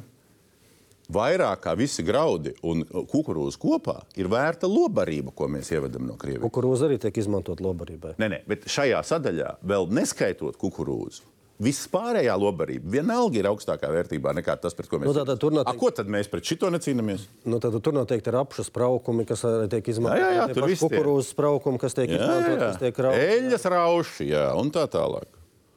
Kāpēc mēs necīnāmies pret šito? Es domāju, ka tur ir jāmeklē, jāmeklē atbildi, ir paslēpta muitas, eh, ievedmuitās par vienu vai par otru preču grupu. Un eh, kviešu gadījumā ir pilnīgi skaidri diferencēta ievedmuita pat atšķirībā no ievesto kviešu kvalitātēm. Augstākās kvalitātes kviešiem eh, ievedmuita ir, ir neliela vai pat šeit nulle, bet savukārt eh, lobarības zemākas kvalitātes kviešiem ievedmuita ir 90 eiro par tonu. Jūs esat kā apkrāpi Latvijas muitu. Kukurūza savukārt ir ar nulles ievedmuitu, un, un līdz ar to ir daudz izdevīgāk izmantot šādu veidu ar, ar, ar muitu neapliktos. Nu, es atceros, 90. gados nevienu degvielu, bet krāšņu kurināmo jau nelika lai, lai, no, tik lai, lielu. to, lai to rezultātu iegūtu to pašu beigās. Es vispār nezinu, Viljams, kungs, kā jūs tos statistikas datus te apkopojat. Ja? Jo, jo tad izrādās, ka te ir uh, meli un meli un vēlreiz meli tajā statistikā. Man liekas, es saprotu, uz kurien jūs velkat. jo nu, ārlietu ministrija strādājot ar sankcijām, mums ir bijusi nu, pieredze, kā es teicu. Ir viena nozares pārstāvja, kur nāk un mums uh, pamatojoties uz cēliem mērķiem, aicina kaut ko aizliegt. Nu, kā es teicu, kā bija ar Baltkrievijas spirtu. Aicināja mums to aizliegt uh, tie, tie kur paši Latvija ražoja spirtu. Mm. Un tad pēkšņi, kad mēs pie tā sākam strādāt, tad pamostās tā otra nozara, kurai tas, tā izēja vēl ir nepieciešama. Un tad pamostās tā ministrija, kur šeit nav klāta un saka, hei, hei, hei. Vispār Latvijas ekonomikai šis produkts ir nepieciešams. Es saprotu, ko jūs jautājat. Varbūt šeit nav visas vis nozares pārstāvētas, kurām varbūt arī tā lobarība ir vajadzīga. Jūs ar kolēģi ekonomikas ministru partijas biedru Valēni, apvienības biedru, pārunājat šīs lietas? Ka mēs kaut kā varbūt te, nu, neredzam visu laukumu kopā. Mēs esam runājuši, un mums ir pavisam skaidrs, ka Krievijas graudu šobrīd var aizstāt ar Ukraiņas graudiem. Tādējādi mēs palīdzam nevis Krievijai, bet Ukraiņai. Tā lētā produkcija viņa gan Krievijā, gan Ukraiņā. Pavisam vienkārši. Protams, mums ir jāsaprot viena lieta, ka ir tātad nodokļu maksātāji ostās, dzelzceļā, bet arī lauksaimnieki nodokļu maksātāji. Lauksaimnieki arī ir desmitiem tūkstoši, kas strādā lauksaimniecības nozarē. Arī šobrīd faktiski lauksaimniekiem veidojās zaudējumi no esošās situācijas, jo Krievija tirgo zem biržas cenām, faktiski viņi tirgo pa dempinga cenām. Šos šeit es jums gribēju uzdot jautājumu, ko jūs tieši taisties aizstāt? To, ko importē Latvijā, kas paliek Latvijā? Cik tas apjoms ir liels, jūs domājat? Eiropas Savienība var nepirkt vispār no Krievijas graudus, jo viņi var nopirkt to pašu apjomu. To jums Ukrainā. piekrīt Itālija, Spānija, pārējās valsts? Cena ir tieši tāda paša. Viņi var nopirkt. Un viena lieta, saprotiet, Latvija kurā vietā ir otrā vietā pēc importa. Tad tiek importēta graudu caur Itālijas ostām. Tāpēc, mēs Krievijai. tad tiek importēta caur Latvijas ostām, un trešā vietā ir Grieķija pēc Jā, importa. mēs esam blakus vairākums Krievijai. ir Tas ir loģiski, ka caur mums iet. Tieši tā, tas ir loģiski. Bet uh, graudus mēs droši varam aizstāt ar Ukraiņas graudiem. Te ir runa tieši par šo etisko pusi. Vai mēs sadarbojamies ar agresoru valsti, vai mēs pērkam pa tādu pašu cenu, lai negrautu Eiropas ekonomiku, lai, lai mūsu uzņēmēji, kas ir Eiropā, varētu iegādāties lētu izēvielu. Mēs varam pirkt no Ukraiņas. Pilnīgi bez Nu, kādām problēmām. Eiropas Savienībai pietiek savu graudu, cik es zinu. Nu, Principā, ja mēs skatāmies uz to, Nu, tā arī, tā arī var Nu. Nē, Tad bet, bet, teikt, ja, par bet, to, ja. bet, ja par to ētisko pusi, nu, ja es pareizi saprotu, tad tie, kas ir pasūtītāji ostām, nu, kas ir īstie saimnieki tam graudam, Viņi jau nav pat ne alfa ostā, vienkārši viņiem izdara pakalpojumu. Ja? Un arī tie vietējie tirgotāji nav. Tie ir milzīgi uh, nu, starptautiski koncerni, ieskaitot strateģiskā partnera ASV koncernus, kas vienkārši taisa biznesu. Singapūra, ASV. Nu, bet tad varbūt sākam ar to, ka nosodām Šveice. strateģisko partneri par neētisku rīcību. Nu, ja jau tad jau. Un prasām, uh, kamēr vēl Baidens pie varas, ja tāds uzticams prezidents, ja prasām pārtraukt šo visu. Nu, ja jau tad tā rulējam. Strateģiskie partneri var droši tranzītā vest uz Āfriku, uz Āziju, vienalga, kur uz Singapūru. Nav nekādas problēmas. Viņi iespējams tirgo Latvija- apakaļ arī uz Eiropu kaut kādā kritiskā mirklī. Un tā ir problēma. Jā, Bet mēs to nezinām. Samierināsimies, ka mēs nevaram ietekmēt viņu lēmumu. Lai ar ko mēs šeit nerunātu, viņi pieņem. Mēs varam ietekmēt, ja lēmumus. mēs tiešām to lēmumu, tā kā šobrīd es esmu tāds to darīt, un arī mani kolēģi, mēs Eiropas Savienības līmenī ejam, un ja Eiropas Savienība pieliek sankciju paketē graudu, tad tas lēmums būs Un ietekmēts. mēs viņu respektēsim, protams. Tad mums šeit nebūs pat par ko runāt. Labi, mēs te visi sakām, ka mums eh, brīvi kaut ko vajag. zinu, ka nes- nesanāca. Visiem kaut ko vajag. Ja? Nu, ja mēs to vērtējam augstāk, ja? tad es varu pateikt, ka lauksaimnieku problēma. Mums agrāk eh, piegādātājs minerālu mēslos bija Krievija, dēļ loģistikas un viss pārējā. Mūsu vajadzība pēc šī produkta ir saglabājusies joprojām. No Krievijas ievest, diez vai es to darītu, eh, dažādu apsvērumu pēc, bet mēs arī nevaram, jo tas nav iespējams. Mēs esam skaidri novilkuši līniju, mūsu bankas maksājums neveic, līdz ar to mūsu šī pozīcija ir slēgta. Savukārt tā otrā pozīcija ir atklāta, un mēs šeit diskutējam, ko tik mums nevajag. Jansons, zem tās ķīmijas, tur tad mēslošanas līdzekļi nav. Nav, Grūti pateikt. pa- nav, nav viņa sankcija paketē iekšā, nav minerāla mēsla. Nu, tā tad jūsu kļūdainā statistiskā pārvalde, kas ir arī mana statistiskā kļūdainā pārvalde, ja, savos datos publiski uzrāda, ka mēslošanas līdzekļi, un starp citu, skatoties Eiropas Savienības statistiku, mēslošanas līdzekļi ir vienīgā nozare, kur uh, imports no Krievijas nekrīt. Vienīgā. Latvijā importa uh, datos, nu tad slēdzam to statistikas pārvaldu, piedošanu, ja, uh, 10,6 miljonu eiro vē- vērtībā. Kas tad tur ir? Tur arī kaut kāds ir uh, blēdības gājiens. Jā, nu tas, tas izskaidro, tas sākās ar to, ka Latvijas ir kaut ko pieprasījis kādam. Patiesībā mēs pieņēmām savus, mums nav tiesību nevienam neko pieprasīt. Mēs pieņēmām savus, uz, uz mums, kā uz komersantiem, attiecināms lēmumus. Bet šī gadījumā mēs, mēs neatstājām tos klusībā pie sevis. Mēs izgājām ārā publiskā telpā. Kāpēc? Tāpēc, ka šī ir analoga situācija, kāda bija 22. gada februārī, martā, īsi pēc kara iestāšanās. Gan mēs, gan kolēģi no Vidzemes agrokooperatīvās sabiedrības, gan daudz citi, gan arī pārējās Baltijas valstis nocirta Krievijas minerālmēslus kā ar nāzi. Mūsu atkarība no Krievijas minerālmēsliem bija pār pa 90%. Bet kas šitie pa 10 miljoniem, ko Kas mēs vedam? notika tajā brīdī? Mēs palikām tikai klusi pie saviem lēmumiem. Kas notika Eiropas Savienībā? Eiropas Savienībā šobrīd Jā. bez neliela krituma Apakaļ. no Krievijas joprojām sastāda pietiekami 250 tūkstošu tonu mēnesī iegādi. Mēs esam reāli nonākuši divātrumu lauksaimniecībā. Un, un tā ir, un tas ir tikai politisks Bet izšķiršanās. jūs sekums. nezināt, kam tie 10 miljoni atnāk, vai kur viņi tālāk aizceļo? Kas La, tie labprāt ir? uzzinātu. Labprāt uzzināt, tur mēs mums tāds- Tas nezinām. būtu ļoti vērtīgi kara apstākļos. Kas ir šie 10 miljoni vērtībā esošie minerāli mēslojumi, kur tiek importēti Latvijas Republikā? Jeb atkal kļūdas. Zināt, nezināt? Ne, ne visi minerāli mēsli ir, ir sankcionēti. Tur ir Nu, jā, jā, jā. kodī. jā, jā, jā. Tātad, Nu, šie, kas šeit ir, tie noteikti tie, nav tie sankcionēti. Nu, piemēram, amonija nitrāts. Un amonija nitrāts ir aizliegts. Viņš ir uh, iesaldēts uh, stāv, un viņu nekur nevar likt. Jā. Nu, viens piemērs, jā, tā kā, uh, kas ir slāpekļu mēslojums, kas ir ļoti lielos apjomos arī lauksaimniekiem vajadzīgs. Tam man liekas arī attiecībā uz kāliju mēslojumiem. Nu, es, ja es nekļūdos, arī tie ir aizliegti. Pa, Tad desmit miljonu starpā varētu būt kaut kādi mikroelementi, varbūt kaut kas, kas iet, nezinu, puķiem kaut kam, nu, grūti pateikt, tad jāanalizē. Bet, uh, principā, tās galvenās grupas, kas ir vajadzīgas mūsu uh, graudkopībai, viņas ir aizliegtas. Un pie kā mēs nonākam tajā situācijā? Mēs nonākam pie situācijas, kad Latvijas, tāpat kā pārējo Baltijas valsts zemnieki, šobrīd eh, pie- sagādā sev slāpekli no Eiropas, vai no Norvēģijas, vai no Somijas, no otras puses. Um, k- k- Kāliju un fosforu, ieskaitot pat no Marokas, no Kanādas, mēs vedam pāri uz šejienu, lai mēs varētu eh, dzīvot arī šādos ekonomiskā kara apstākļos. Te pašā laikā Eiropas Savienībā minerāla mēsli kustās, un mēs zinām, ka viena no lielākajiem no tā, ko mēs atteicāmies, viena no lielākajiem importētājiem ir Centrāla Eiropas valsts.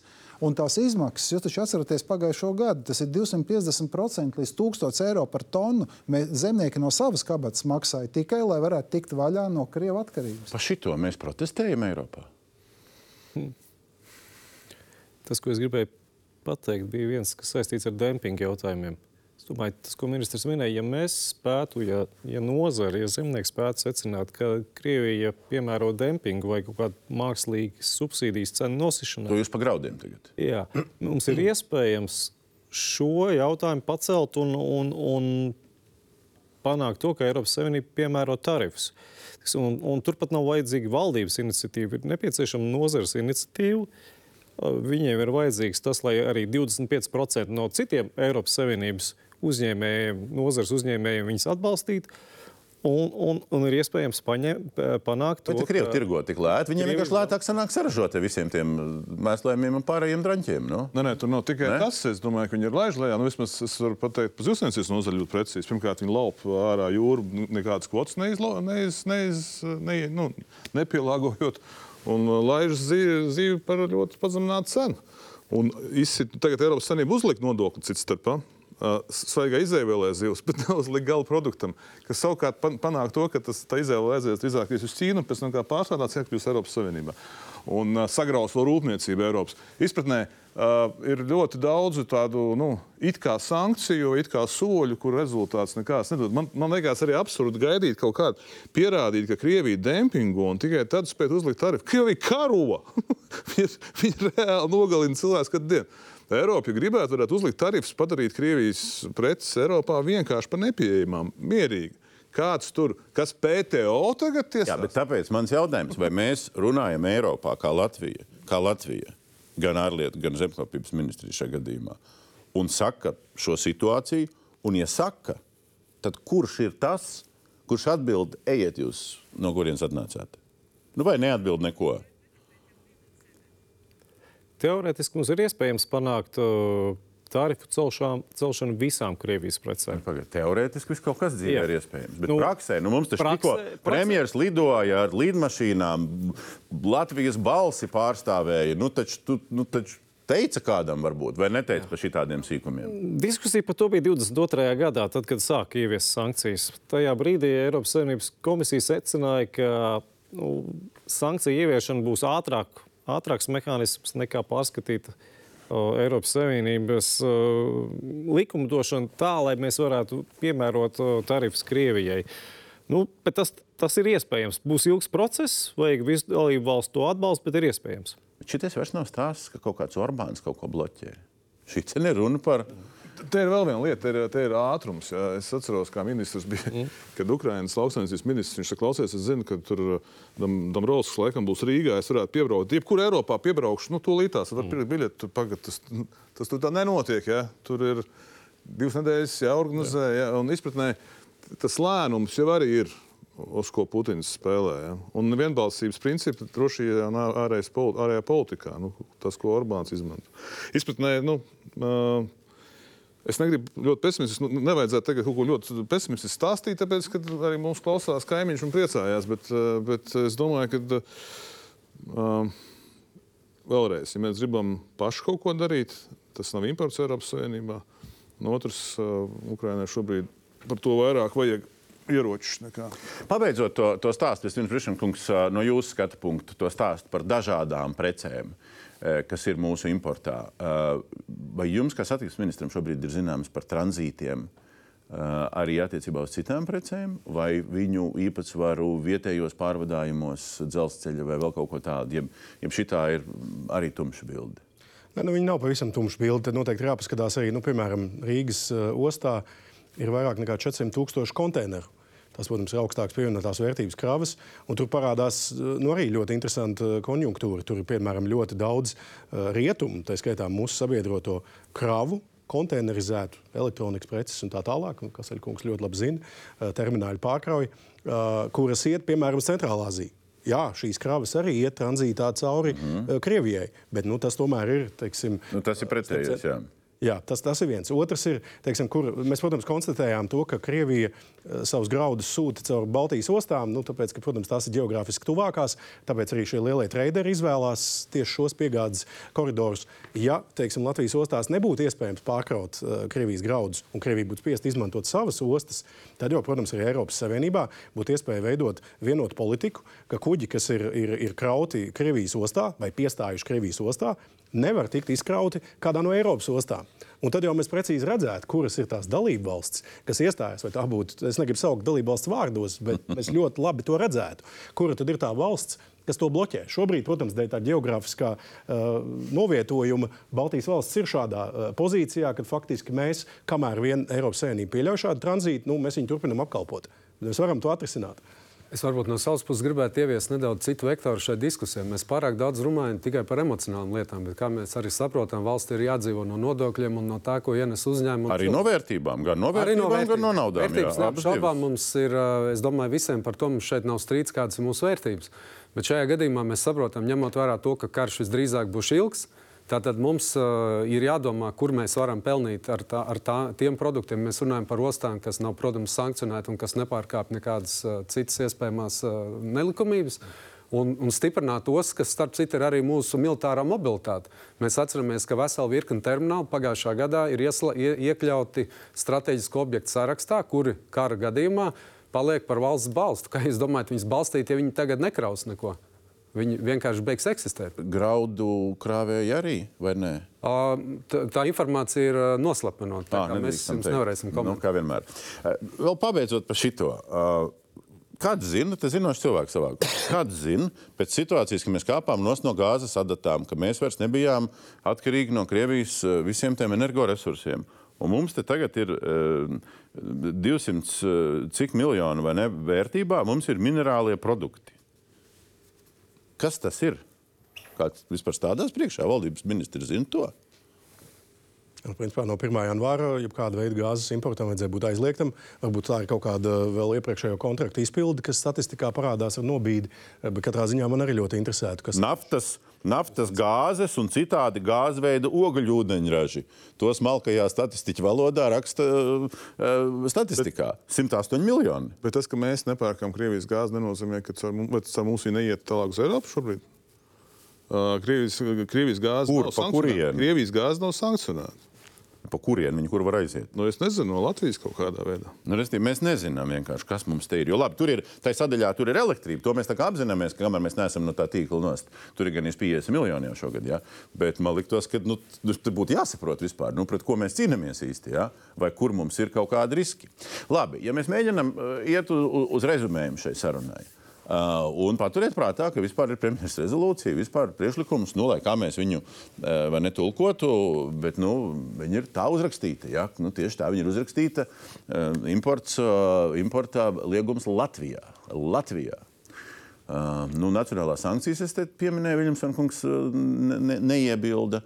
Nu, dominē tas formulējums, uh, nu, kad uh, vai nu Eiropas lēmums vai nav jēgas. Nu, vēl tas, kas te neizskan, nu, drusku varbūt izskan, kad ir vēl kaut kādi citi varianti. Nu, nodokļu eksperts Jānis Taukačs no Sorēnena, viņš te formulē to jēdzienu kā offshore nodokļu pacelšanu nu, te tirdzniecībā ar Krieviju. Ko nu, mēģinam norezumēt no visas šīs strīda? Ko Latvija viena pati var vai, nu, vai tad slēdzam to tematu? un tikai gaidām, vai mēs ar valstu grupu varam kaut ko izlabēt. Vai Latvija viena pati kaut ko var izdarīt, un tad kā? Un kā īstenojot, kā piemērojot, kā kontrolējot un tam līdzīgi. Es varu pateikt, ko mēs esam tātad, tiesiskā ceļā, ko mēs varētu darīt. Un, uh, Importu tātad, tikai Eiropas Savienības līmenī, bet Latviju mēs varam tiešām, ja runājam par šiem kontrolas izmaksām, kuras mums ir augušas, mēs varam uz Krieviju un Baltkrieviju palielināt pārtiks un veterinārā dienesta cenrāža noteiktās izmaksas kas arī ir augušas, kā jau minēju, dēļ tā, ka ir pastiprināti jākontrolē šīs kravas, gan izcelsme, um, gan arī vai nav dokumenti viltot, vai tās nav Ukraiņas graudi. Tādējādi vienkārši graudu imports caur Latviju nebūtu izdevīgs. Respektīvi, tām SIA, kas ir nu, tie, tās, tie aģenti, kas strādā ar viņiem, tiem uzlikt papildus uh, maksas, dēļ kurām viņi aiziet prom no Latvijas. Jā, bet graudi tāpat nokļūt Eiropas Savienībā. Tas arī jāsaprot. Nu, jā, jā, jā. Viņus tikpat labi ievestu caur uh, uh, Igaunijas ostām. Tāpēc es uzskatu, ka jābūt vienotam Eiropas lēmumam, jo es uh, nevēlos, uh, lai mūsu, uh, tā skaitā tie, kas strādā ar šīm tranzīta kravām, lai ciest zaudējumus un valstī būtu jākompensē. Ja tas ir Eiropas Savienības lēmums, kas ir tiesiskais ceļš, tad tas ir pareizi. Ja, ja mēs sākam paši uh, ieviest, zinot, ka tie graudi nonāks Latvijā caur citām valstīm. Tas, ko jūs... Un, piemēram, nu, mūsu kaimiņi varbūt arī kādi pasaka, droši mums nav Krievijas graudu. Viņi nezina, vai viņi ir vai nav. Viņi nonāk kā lobarībā iepakot maisā, kas ir varbūt tāpat kukurūza. Tur ir tā, sagatavots lobarības maisījums, kur vispār ir izcelsme uzrakstīt vien Eiropas Savienība, bet realitātē tur ir 90% Krievijas kukurūza. Tas, ko jūs tikko pateicāt, Jūs pateicāt divas fundamentālas, manuprāt, lietas. Pirmkārt, Latvija var izdarīt vienpusēju jūsu prāt, vienu lietu, tikai vienu vienu. lietu, un šī viena lieta var būtiski samazināt tranzītu. Tieši tā. Nē, importu. Tikai importu. Viņa var arī tranzītu. Ne, tranzītu nevar. Tikai es, importu. Es ieteiktu tomēr nejaukt, jo tas, Labi. kas nāk uz Eiropas Savienību, tas ir imports, kas ir tranzīts, tas ir uz trešām valstīm. Es to saprotu tā, es domāju, ka mums Un, to un, visiem un, vajadzētu. un tranzīta nekādas maksas tur nepiemērot nevienam. Mēs nekontrolējam tranzītu. Ā, Šo Zemkovis ministra viedokli mēs noteikti uzņemtu ar nu, tādu kā lielu atbalstu, jo tā, es domāju, tas ir ļoti, nu, kā lai saka, viedoklis, kurš ir ekonomiski pamatots. Ja izmaksas ir augušas, kontrolējot kaut kādas kravas, ir tikai loģiski, ka tiek celts uh, tarifs. Viņš, protams, tiek celts saprātīgi, kas tur arī ir viens no noteikumiem. Un es domāju, ka nekāds imports daļa tā nekur nepazudīs. Vienkārši valsts nopelnīs vairāk naudas. Savukārt, Mēs atceramies, ka mums ir otra iespēja, ka viss palaist tranzītā, un tad, lai Spānija, Itālija pati importē, kas priekš mums būs tranzīts, un tad arī jūs, tas, ko jūs teicāt, būtu izpildīts. Es domāju, tas ir lielisks priekšlikums. Ir viena lieta, ko es piedāvātu, tomēr noskaidrot, lai mēs nemaldinātu vai vismaz nomierinātu mūsu publiku, teiksim, iedzīvotājs valsts. Noskaidrot, cik tad ir tas apjoms no kopējā tiem 300 vai 400 tūkstošiem tā saucamā importa, kur mēs zinām, ka lielākā daļa aiziet prom, kas tad paliek Latvijā. Jo to noskaidrot var. Nu, ne šeit studijā, bet to noskaidrot var. Mēs pieņemam, cik mēs esam pētījuši, ka tas apjoms būs ne vairāk kā 50, 60 tūkstoši tonu. Tad, ja No, noprecizējām. Mēs speciāli šo tabuliņu, viņi nav baigi pārskatām, bet nu, tomēr tie ir tie 383, 11 mēnešos. Ja? Uh, nu, tad, tad tur ir pieminētā kukurūza, kas tur sastāv vairāk kā pusi, un tad attiecīgi tur pārējie. No šī visa tikai kaut kādi 20% pēc jūsu versijas Jā, paliek. mūsu iemesls ir, mūsu argumenti ir sekojoši. Tas apjoms, kas ienāk ostās, jo mēs sākām šo visu stāstu par importu no ostām. Es domāju, ka ir loģiski saprotams, ka neviens nevedīs kravu ostā, veiks kaut kādu importu procedūru, pārkraus uz mašīnām, tā vedīs uz tie saucamiem. Nu, uzņēmumiem, kas Latvijā pārstrādā kukurūzu, tā būs lauksaimniecība, un, ja tie būs graudi, tad tie būs kādi, kas kaut ko ražo no graudiem. Kāpēc viņi to nevest pie sevis pa taisno? Viņiem visiem ir sava pievadas liešu ceļa, mēs zinām, par ko mēs runājam, un to es domāju, ka var apstīties. Līdz ar to ostas apjomu mēs ņemtu ārā, un tur nekas Tā ir nepaliek. liela izmeklēšana. mums, kā nozarei, lauksaimniecības un graudkopībai, ir svarīgi, lai šie graudi neienāk Eiropas Savienībā un nekropļo mūsu tirgu. Jo mūsu, mūsu kooperatīvi un graudaudzētāji graudus veda uz to pašu Spāniju, uz citām dienvidu valstīm, un tagad tur ir Krievijas graudu priekšā. Un Mums ir eh, tāpēc tas lēmums jāpieņem uz importu visai Eiropas Tieši Savienībai. tā. To mēs arī vēlamies. To mēs tikai atbalstam, jebko, ko jūs pieņemat. Skaidrs. Latvija vien pat var izdarīt vai nevar izdarīt. Principā mums jāizmanto tā iespēja, un jums ir gan pienākums, gan, gan tā tiesība pārstāvēt mūsu intereses arī Eiropas Savienībā. meklēt šos dombiedrus un šo problēmu stāstīt. Mēs tikko redzējām arī šī tabulā, ka tie apjomi nav nemaz tik mazi. Tā kā mums konkrēti ir uh, Rūdzija, kas mums bija tāds labs eksporta produkts uz Eiropas Savienību, kas šobrīd ir pilnībā aizstāts ar Krievijas, jo pie tā kases lodziņa, kas ir Latvijas osts, drūzmējās arī Krievijas graudu, un šobrīd viņu elkoņi ir spēcīgāki, jo viņiem tā ir spiesta lieta, tur ir plus 5 miljoni Eh, eksportējumā produkcija. Un pie tādas situācijas viņiem ir praktiski vienalga, kad tik ārā. Bet, zini, kas ir interesanti? Akal, nu, tad statistikas pārvalde, tad jums jāsauc ir uz paklāju, es nezinu, valdībā un, un kur. Nu, uh, oficiālā statistika salīdzinot 22. un 23. gadu, rūdzi uh, neaug un kvieši nogāžās pieckārtīgi salīdzinot ar 22. gadu importā. Nu, tad, ir, nu, tad jūs dzīvojat vienā pasaulē, un statistika dzīvo Man ļoti. Tur ir vēl citi rūdzi pareizi. Nē, nu, tur ir rūdzi atsevišķi, un tad ir tas kviešu rudzu maisījums. Nu, citi, ne citi, bet nu, sumāri. Kazahstāna tur nav. Nē, nē, nē, tā ir imports no Krievijas. Tas ir tikai specifisks Krievijas imports. Es neticu viņam papīram. Okay. No. Kazahstāna Ok. rudzi skan labi. Labi, ko Latvija vien pati var vēl izdarīt ā, vai nevar izdarīt? Jā, ir, mēs arī pievērsām uzmanību tajā savā atklātajā vēstulē. Manuprāt, ir vēl divas tēmas, kuras mēs šobrīd neesam aizskāruši. Un attiecībā patiesībā vai par importu vai par tranzītu viņas skar pilnīgi visu laukumu produkcijai, kas nonāk valstī. Es um, joprojām, tā kā es, mēs esam ar, ar, ar, ar, no ar trīs kājām, mēs esam lauksaimniecībā ar vienu kāju, šobrīd ir transporta loģistikas nozare. Mēs noteikti lūgtu valdības un valdības uh, atbildīgo iestāžu atbalstu um, pastiprināt uh, izcelsmes kontroli. Mums visu laiku ir gaisā virmo jautājums par asiņaino Ukraiņas okupētajās teritorijās izaudzēto graudu iespējamu klātbūtni tajās kravās, kas vienalga vai cauri Latvijai vai uz Eiropas Savienību, bet nonāk mūsu valsts Cik to var izmērīt? Um, Ar komersantu rokām to izmērīt ir salīdzinoši tikai tik, cik jūs paši spējat pārbaudīt vai uzticēties jums iesniegto dokumentu autenti autentitātei. Jā, jā. Bet, Atceroties, bet pat vai laboratorija var noteikt, no kurienes grauds nāk? Bet, uh, kungs krata galvu un saka, ka nevar. Nesenā, nesenā pagātnē mums pašiem bija šeit ar, ar certifikāts viltošanu pietiekami liels skaļa, eh, skaļa, eh, skaļš skandāls Latvijā un citā nozarē. Un es, domāju, es domāju, vienalga, ja gadījumā to nav iespējams, nu tad skaidri un gaiši pagriežamies pret kameru un pasakam, mēs zinām, ka viņi tur var būt, mēs neko nevaram izdarīt, bet to arī neviens nav pateicis. Šobrīd mēs paļaujamies uz pirmdokumentiem, kas ir izsniegti agresoru valsts teritorijā, kuras patiesībā neviens no mums klāt nav bijis un redzējis, kas tur notiek. Un tāpēc es domāju, ka šeit nu, valstī ir lielākas izziņas iespējas un, un informācijas salāgošanas iespējas, kā tas ir komersantu rokās, un tā ir viena tēma, kur noteikti būtu nepieciešama ciešāka iesaist. Otra tēma, ko mēs šodien neaizskārām, un tas poļu, poļu un citu valstu zemnieku protesta jautājums, mm. jau nebija tikai par prettranzītu. Tas bija pret tranzīta milzīgu vēlmi pie nopietniem nodokļu režīma atšķirībām kļūt par kontrabandu. Un tajā brīdī es, nu, es to neteiktu tik skaļi. Es vienkārši vēlos izmantot tiešraidi. Jā, šobrīd zemnieku starpā notiek sarunas par to, ka kāds ir piedāvājis kādam par, nu, tev nekas šogad uz lauka neizauga, bija lietus, sausums, krusa un vēl nezinu kas, bet uztaisam realizāciju uz papīra, un tu par to dabūsi smuku komisiju. Un tas katrā ziņā rada riebīgas aizdomas. Kas to piedāvā? Ti- Tirgus dalībnieki, dīleri, skraidītāji apkārt. Jā, tādas runas starp Kur tie piedāvājumi saņēmēji jau ir griezušies? Es to nevaru atbildēt piedāvājumu saņēmēju vietā. Bet, šī, bet, Bet saprotiet, ir. bet saprotiet, līdzīgi tāpat kā korupcija, arī ir kontrabanda, ir noziegums, kurš slēpj visas iesaistītās puses.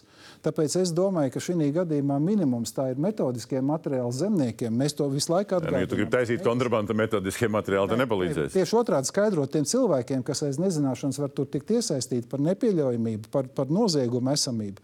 Jo, jo cilvēki šobrīd nu, var, var nedod Dievs, kāds samulsīs pie tā. Bet es Šo domāju- var paši, paši savā valstī darīt, vai ne? Jā, šīs ir lietas, ko var darīt paši savā. Es gribēju, ko Strīpnieks kungs aiz, aizskāra ļoti svarīgu jautājumu par tā saucamiem Ukraiņas zaktiem graudiem. Mēs, protams, esam kā Stevedora kompānijas un arī mūsu asociācijā par to daudz domājuši un analizējuši, un, protams, arī pārbaudījuši, kā tas ir iespējams. Jo, jo mums šeit jāņem talkā ir tāda vienkārša lieta kā izmaksas. Ja mēs apstāmies, kur ir tā saucamā kara darbība, tad tas notiek tieši Melnās jūras reģionā, kur Krievija ir vismaz četras lielās graudu ostas. Uh, līdz ar to jūs varat pateikt kaut vienu iemeslu, kāpēc viņam dzīt to Ukraiņas graudu cauri pusi Krievijai. Kaut kādas tūkstotis vairāk kilometrus, lai iesūtītu caur Latviju tālāk, kur šo, šeit var aizturēt gan mūsu ieņēmuma dienests, respektīvi muita, kas strādā, es domāju, nevainojami Latvijā, vai kādas citas organizācijas. Tā vietā viņš šos graudus iekrāja Melnajā jūrā un aizved jebkur. Tā kā es šeit gribētu noņemt šo bažu. Protams, mēs nevaram katru kravu, kā mēs jau noskaidrojām. Bažas nedrīkst noņemt. Bažas ir veselīga lieta. Bet mēs jā. varam teikt, ka ekonomiskais aprēķins uz to nestrādā. Tas nav iespējams. Šmitkungs paliek pie versijas, ka mēs paši neko nevaram, ja te tomēr ir kaut Nē, kāda izsaka mēs neko nevaram. Es teicu, ka es gribētu ļoti kļūdīties, kad Eiropa pieņems importu aizliegumu graudiem. Es gribētu, gribētu ļoti, ka es kļūdos šajā, bet es domāju, ka tā ir vairāk procesa simulācija no mūsu puses, kā jau daudz kas. Bet tas, ko mēs tiešām varam izdarīt, mēs varam ā, apturēt tranzītus ar mūsu ostām, ja mēs gribam uh, rīkoties. Un, un man paties, patiesībā neliktos šausmīgi būtiski, vai tur ko dara Klaipēda un Tallinn. Uh, dažreiz ir kāds, kurš sāk. Ja. Vienkārši uh, cilvēks, cilvēks iedod, cilvēks iedod. Ostā jūs varat pateikt, kā tieši jūs Es jums varētu pastāstīt, Fiziski? Es jums pastāstīšu, kā varētu. Mums Krievija apturēja visu zīvu produkcijas eksportu, nepie, nepieņemot nevienu likumu vai lēmumu. Bet mēs jā, tikai pēkšņi Mēs konstatējām, Latvijā esam Jā, Eiropas mēs. Latvijā esam un nevienu tiesu nevinējām pret Krieviju, tā skaitā PTO. Jā, tā kā ne, ne, nestāstiet man, ka mums nav metodas kaut vai ar tādu. Jūsuprāt, šis mums būtu Mums ir jādara. metodas, kā pret Es jums ka, es, uzskatu, ka, es uzskatu, ka ir um, um, cilvēks zido mašīnas, Twitter konvoju ved uz Ukrajinu. Mēs, mēs sēžam, kā saka, un sakam, ka viss ir fini. Ja. Izpratnē. Um, Es domāju, ka arī notikumi Ukrajinā frontē liek, liek, liek mums vēl kaut ko papildus domāt, ko mēs varam izdarīt. Tie notikumi nav pozitīvi. Ja. Un arī otrs jautājums, kā mēs vispār vērtējam. Ja. Mums tāds sajūta, ka beigsies karš, nāks demokrātiskā Krievijas vadība, ja. Un tad nu, Krievija uzzels, un mums atkal viss at- nekas neatjaunosies. Nekāds Putins nav pakļauts. Pa nākotnes fantāzijām- Krievu tauta ir radījusi Putinu, nevis Putins radījis Krievu tautu. Tā ir. Nu. Uh, Brišankungs, starp te dažādām versijām. Nu, tad ar, ar ko jūs šo sarunu norezumējat? Ko, un tā skaitā strādājot pie, pie tām versijām uz valdību uz janvāru. Ar, ar- ko nodarboties Latvijā nacionāli un ar ko vietējā nacionālā mērogā vieniem pašiem nenodarboties? Nu, es teiktu, trīs, trīs lietas. Atvainojiet. Viens ir, protams, mēs šeit visi klātesošie esam viensprātis, ka Eiropas Savienībai ir jāaizliedz eh, Krievijas graudu uh, imports. Uh, Ministrs prezidents arī savā rezolūcijā precīzi iezīmējusi arī tos sabiedrotos. Mūsu kaimiņu valsts, Lietuva, Igaunija, Somija, cerams, arī jaunā polijas valdība uh, meklēt šo sabiedroto grupā Eiropā vienotu pozīciju. Šmits kungs prognozē, ka tā var būt tikai simulācija. Ja, ja mēs runājam par tranzītu, atkal te ir svarīgi, kur tad, kur tad novelkam robežas. Es minēju, piemēram, par šīm konteineru tranzītu plūsmām. Nu, tad varam iet līdz galam. Tad slēdzam robežu, slēdzam ostas, slēdzam iespēju Eiropas Savienības ostās ienākt uh, kuģiem, kas ir bijuši Krievijā. Nu, tad paskatāmies, teiksim, šeit, ne, šeit nedrīkst laipot, še, jo, jo nav viegli vienkārši izdalīt uh, vienu vai otru komponentu. Un, protams, tad rēķinamies uh, ar to, kā tas ietekmēs uh, Latvijas dzelzceļa arī kopējo saimniecību. Un tad trešais ir, pie kā noteikti uh, transporta saimē vajadzētu strādāt visam šim piegāžu koridoram, ir iedot Latvijas koridoru konkurētspējīgu piedāvājumu Ukraiņas graudiem. Mēs zinām, ka šis pirmais konteineru sastāvs atbrauc. Viņš brauc pa standarta uh, dzelzceļa infrastruktūras maksu, bez kādām īpašām atlaidēm. Ostā tika, tika pārkrauts. Mēs secinājām, protams, ka ostā ir nepieciešams stiprināt arī sanitārās, fitosanitārās uh, kontrolas, lai mums šis koridors darbotos. Un, plus, protams, ņemot vērā, ka šie graudi nāca uh, konteineru uh, kravās. Svarīgi ir saprast, vai mēs varam ģenerēt arī apjomu, kas iet atpakaļ uz Ukrajinu, lai šeit veidojos, veidojās ekonomiski pamatots koridors pie tā visa, ka viņš divreiz pārkraujās no dažādām sliedēm. to, to, to visu jūs sakat, viņiem vajadzētu to izdomāt. Bet jūs jau kā ministrs nevarat viņiem pavēlēt izdomāt. Nu, viņi, Nu, es, ja es izdomās, tad lietām esmu runājis arī ar Ukraiņas vēstnieku. Es domāju, ka mēs no abām pusēm saprotam, ka tas nav tikai solidaritātes žests, tas ir ļoti saimniecisks lēmums izveidot dzelzceļam kopā ar ostas dividoriem, kopā ar uzraugošām institūcijām efektīvu koridoru. Te, Labi, protams, arī atgriežoties pie Krievijas Polija, importa un tranzīta, vai Latvija satiksmes nozarē? Krauskungs iesāk uh, šo rezumējumu, ko varētu izdarīt zemkopības nozarē. Satiksmes nozarē, nacionālā mērogā. Kādu nu, Šmitkungs runā tādiem vai citādiem līdzekļiem, taisam nosticiet. Satiksmes nozarē jūs redzat par nepieciešamu un reālu izdarīt nacionālu mērogu lēmumus un kādus? Vai neredzēt? Nu, šeit arī ir savienotie trauki. Var aizliegt LDZ kargo kā simtprocentīgi valsts kapitāla sabiedrībai pārvadāt uh, Krievijas graudus. Bet ir divi privātie pārvadātāji, kas to turpinās darīt. Kamēr nav kopīga regulējuma, nav iespējams pieņemt vairāk nekā tādus deklaratīvus, simboliskus žestus, bet lai patiešām mainītu šo konjunktūru, tā kā es minēju, piemēram, novirzīt Krievijas graudus uz viņu pašu ostām un tad mēģināt nelaist Eiropas Savienības ostās šos Krievijā krautos kuģus vienai pašai Latvijai, nu, īpaši Latvijas valstī, ar tiem instrumentiem, kas ir valsts rīcībā. Apturēt privāto braukšanu pa valsts dzelzceļu nevar. Es, es to šodien ļoti vienkārši piemēru. Stividoram arī atbildēšu. Es ļoti labi, mums, vajad, to jums vajadzēja atcerēties, kā var, kā var tikt galā. Mums tāda kaimiņu valsts, Eiropas Savienības valsts, iestājāmies vienā gadā, kā Lietuva, demontēja sliedus uz reņģi desmit gadus apturot nācis tranzītu, nācis produktu tranzītu uz Rīgas ostu. Jūs droši vien atcerieties to. Jūs aģitējat uz Te- darbībām. viņi samaksāja desmit atjaunojumu. desmit gadus, un neko viņi nesamaksāja desmitgadīgi. Jūs pat kompensāciju Bet, Šmitkungs, jūs šobrīd aicināt uz pretiesiskām rīcībām. Kā, kā, kāpēc pretiesiskām remontēt? Sliedas secina. Skaidrs. Vai Vienkārši es gribēju precizēt, Sliedas ir novecojušas, viņas jāremontē. Es dodu piemēru, ko izdarīja ar mums. Un mēs sēžam, mēs neko nevaram, ja mēs gribam. Mēs varam ļoti daudz ko, un tā nav vienīgā metode. Šī visrupjākā. Es piekrītu, ka tie, tā nebūtu pareiza. Bet tā ir ļoti huligāniska metode. Nu, bet ir. pagaidiet, mēs- 65 dienas. Tad, kur bija 110 iepriekšējā gadus to cieta Eiropas? Savienība ar- pret Lietuvu. 10 gadus. Viljams Kungs, kas jums ir ko rezurē, rezumēt par nacionālais versus uh, um, Eiropas Savienības pieejams? Man atbild ir īsti. Nu, efektīvākais veids būs tikai kopējais, kopējais lēmums gan, gan par sankcijām, gan par importu uh, liegumu Eiropas Savienībā. Jo tas, ko mēs darīsim nacionāli, tad to būs iespējams apiet caur citām ES dalību valstīm. Līdz ar to nacionālai rīcībai, pat ja viņi tur ir morālē un ētikā balstīta, nav jēga. Ne, ne, es redzu, piemēram, zemkopības ministrs minēja, ir, ir, ir atsevišķi soļi, nu, ne ārlietu ministrijas kompetencē, bet citu ministriju kompetencē, ko var izdarīt, lai apgrūtinātu dzīvi. Un, uh, nu, ir arī varbūt no operas, ko Šmitkungs minēja. bet, protams, mums viss, ko mēs darām, ir jābūt uh, tiesiskam uh, dienas beigās, lai mēs to visu varam aizstāvēt arī Pasaules tirdzniecības organizācijas noteikumu priekšā. Nu, ko es varu pieminēt? 20 pār gadus atpakaļ mēs bijām neto importētājs graudos. Mēs esam ieguldījuši milzīgu darbu, un mēs spējam 3 miljonu tonnas eksportēt. Šobrīd mēs strīdamies, kas ir svarīgāks - tās 3 miljonu tranzīta tonnas vai nospiest mūsu ceļiem un pazaudējam savējās 3 miljonu tonnas. Par to vajadzētu padomāt, un to var izdarīt ātri. Un te es vēl gribētu piebilst, kas ir ļoti svarīgi, ka uh, no trešām valstīm ved lauksaimniecības produkts, tā skaitā grauds, kas ir ražoti ar nu, nezināmām metodēm. Par ļoti lētām izmaksām. Mēs tiešām Eiropā ievērojam ļoti augstus standartus. Un šī gadījumā es teiktu, tā, ja Eiropas uh, līmenī nevar vienoties, tad nu, visticamāk Eiropas komisijai būs pienākums maksāt uh, Eiropas zemniekiem vēl vairāk, jo tas būtu vienots Eiropas lēmums vispār par visām trešām valstīm. Nedrīkst ievest uh, nezināmām metodēm, divas, ar kādiem minerālu mēsliem vai ar kādām auga aizsardzības līdzekļiem apstrādātus uh, produktus, uh, kas neatbilst mūsu augstajiem uh, standartiem. Un mums tas ir jāpilda. Viņi var nepildīt, un tā ir ļoti negodīga. Šeit jūs arī pateicāt lieliski to piedāvājumu par to, kas varbūt samaksājumi zemniekiem starpību, ko jūs neiegūstat, lieciet mierā ostas. Jo ostas nekādas ne palīdzības nav saņēmušas ne Covid, ne, ne Covid, ne tagad. Mums neviens neko nemaksā. Mums ir tikai tas, ko mēs paši nopelnām. Tā kā atrodiet finansējumu, es domāju, šī tēma slēgta. Bet kā šis turpinās? Tas ir cits stāsts. Mēs jau šeit nekarojam. Mēs darām visu, lai nopelnītu naudu, ar ko aizstāvēties. Tā ir vēl viena lieta, ko varam darīt Eiropas līmenī.